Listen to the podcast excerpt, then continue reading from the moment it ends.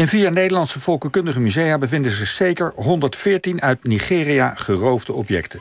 Dat is de conclusie van een onderzoek door die musea. Britse soldaten hebben die meegenomen toen ze in 1897 het paleis van de koning van het voormalige koninkrijk Benin plunderden. In het huidige Nigeria. Nu ligt de buit van destijds in musea door heel Europa. En Nigeria wil dat kostbare erfgoed al heel lang terug hebben. Daar lijkt nu wel licht een beetje van te gaan komen. In Duitsland is deze week de wens uitgesproken om wat daar ligt snel terug te geven. En de onderzoekers hier in Nederland pleiten ook voor teruggave. Femke van Zel volgt deze zaak al heel lang vanuit Nigeria. We hebben haar nu aan de lijn. Uh, goedemorgen, Femke. Goedemorgen. Ja. Uh, is dit nieuws over deze wellicht teruggave al doorgedrongen in Nigeria? nou, uh, in kleine kring wel. Mensen die er echt professioneel mee te maken hebben... en die er echt persoonlijk al lang voor strijden... die hebben het met open armen ontvangen. Maar in Benin zelf, in de stad, uh, denken ze... ja, de, we wisten al lang dat het gestolen was... kom het nou onderhand maar eens terugbrengen. Dus daar, daar is een beetje het gevoel van... nou ja, weer een stapel papier waarin jullie vertellen dat het geroofd is... en dat jullie bedoelen om het ooit terug te brengen zij, zij denken langzamerhand eerst zien dan geloven. Ja, dan gaat de vlag pas uit. Ja, en wat vindt Femke van Zijl zelf? Dat nu de musea zeggen wij willen teruggeven... dat is toch een mooi voorschot ten opzichte van het overheidsbeleid? Ja, nou, en met name Duitsland, dat nu zo rigoureus zegt... nee, we gaan het terugbrengen. Ik las zelfs ergens uh, dit jaar nog. Maar dat zet ook andere musea onder druk. Um, de meeste musea die waren eigenlijk al toeschietelijker... dan vaak het landelijke beleid is. Maar het Britse museum bijvoorbeeld uh, neigt... Uh, schijnt nog helemaal niet die kant op te neigen. Maar als een groot... Uh, grote collectie als Duitsland, want daar ligt ook heel veel als zij nou zeggen, ja, we geven het terug... dan moet het Britse museum natuurlijk wel van goede huizen komen... om uit te leggen, nee, we houden het lekker hier. Ja, goed, want eh, vertel nog even eh, waar we het over hebben. Engelse soldaten, zei ik net al, hebben het paleis geplunderd. Waarom deden ze dat destijds? Ja, we hebben het over het eind van de 19e eeuw. Toen natuurlijk in 20 jaar heel Afrika is platgelopen uh, in de kolonisatie. En um, met meer en minder tegenstand. De Oba van Benin, Ovo Ramwen, was uh, behoorlijk stijfkoppig in de goede zin van het woord. En wilde er in ieder geval goede uh, voorwaarden uithalen. En hij had ook een um, afspraak gemaakt met de Britten. Dat onder andere betekende dat hij um, exportheffing mocht uh, heffen op de palmolie. En er werd nogal veel palmolie geproduceerd voor al die machines van de Britse industrialisatie. Dus um, dat wilde hij blijven doen, maar de Britten vonden dat onderhand toch wel onhandig. En die stuurden een handelsmissie, een vreedzame handelsmissie, maar nogal provo provocatief met een hoop uh, wapengekletter en dergelijke. En die is toen in de pan gehakt door het leger van Benin. En daar zijn doden bijgevallen. En dat was voor de Britten de reden maar eigenlijk meer het excuus om, uh, om dat grote rijk binnen te trekken. Niet alleen maar de, de paleis van de koning, maar ook eh, de paleizen van alle chiefs en dergelijke. En van de koningin moeder. Helemaal met de grond gelijk te maken. En naar goed Brits gebruik hebben ze de schatten die ze daar vonden die hebben ze gebruikt om die expeditie, zo noemen het de strafexpeditie.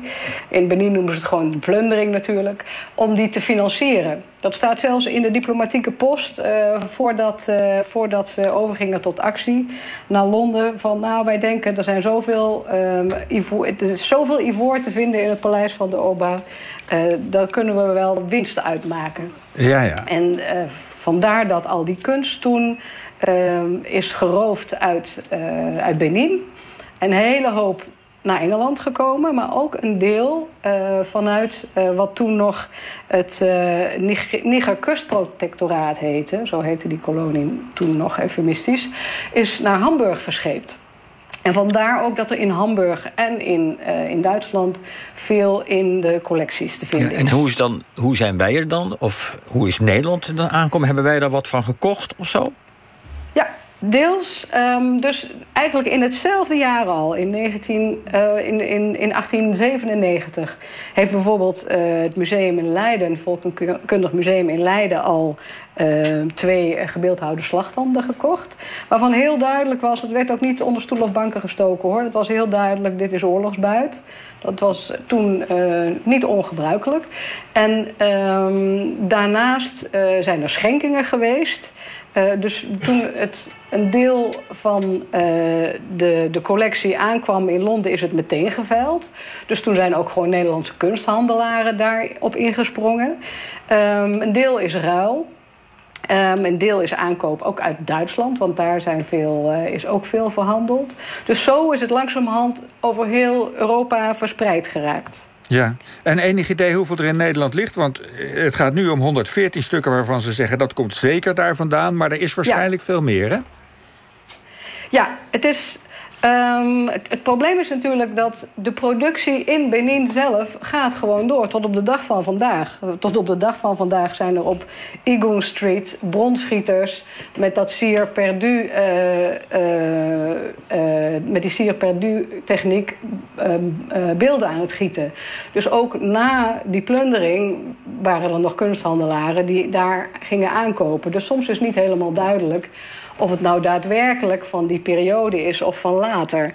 Um, maar van deze 114 beelden en van 9 uh, grenst uh, uh, zeer waarschijnlijk, is nu toch echt wel een link aangetoond van dit komt uit de oorlogsbuit. Ja, en Nigeria wil al die spullen die nu dus door heel Europa liggen al heel lang terug. Sinds wanneer vragen ze daarom? Sinds de onafhankelijkheid. Sinds 1960 vragen ze het al. En ja. de eerste decennia was het echt nou, tegen dovermans oren. Langzamerhand in museale kringen uh, werd er wat opener over gedacht. Maar het probleem is dat heel veel van deze kunst overheidsbezit is. Ook in Nederland is het overheidsbezit. En um, er is onlangs, uh, vorig jaar was dat, uh, een, rapport uitgekomen van de commissie van uh, Consalves over wat te doen met dat soort ehm, koloniale buit. En het rapport zei on, zonder enige restricties teruggeven. Alleen dat rapport ging vooral over onze eigen oude koloniën. En Nigeria valt daar niet onder. Dus um, voor velen was dat wel een teleurstelling. Want ja, en, en al die andere uh, geroofde kunst dan, die we dus via via hebben gehad. Maar die doen natuurlijk even goed. Die je via een heler hebt gekregen, zal ik maar zeggen. Ja, nu, nu hebben de dus, musea een voorschot gegeven. Hebben gezegd, wij willen dat het teruggaat. En wat, wat, wat aantoonbaar uh, gekochte roofkunst is. Wat, moet nou, wat zou er nou moeten gebeuren om onze overheid ervan te overtuigen dat het ook moet? In dit geval. Wat moet er gebeuren volgens jou?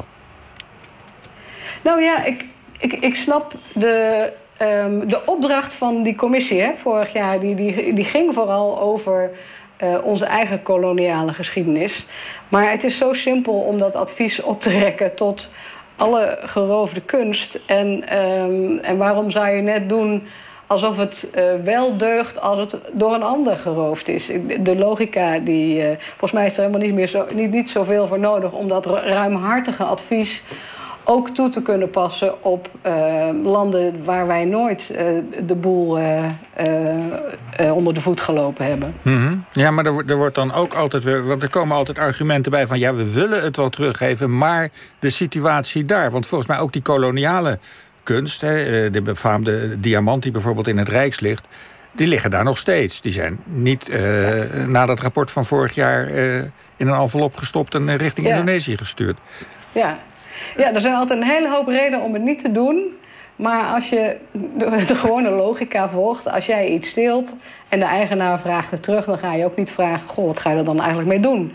Kun je het wel bewaren? Um, dus het, het, zijn, het zijn de, al die, die argumenten beginnen steeds sleetser te raken. Zeker omdat ze in in Benin, uh, en dat is de stad Benin waar we het nu over hebben, in het zuidoosten van Nigeria, dat ze daar nu uh, plannen hebben om in samenwerking met die Europese musea een museum te bouwen. En um, allerlei projecten en training, et cetera, zodat daar daadwerkelijk een, eh, een, een, goed museum komt te staan. Waar, waar het tot zijn recht komt en waar het ook hoort, laten we wel wezen. Ja, dus jij denkt, het gaat er komen binnenkort? Het gaat ervan komen dat het teruggestuurd wordt. Ik, ik, de Oba die heb ik daar eens naar gevraagd. En dat was ook alweer vijf jaar geleden. En die zuchtte heel diep. De Oba, dat is de koning. En de koning is ook een soort halfgod in Benin.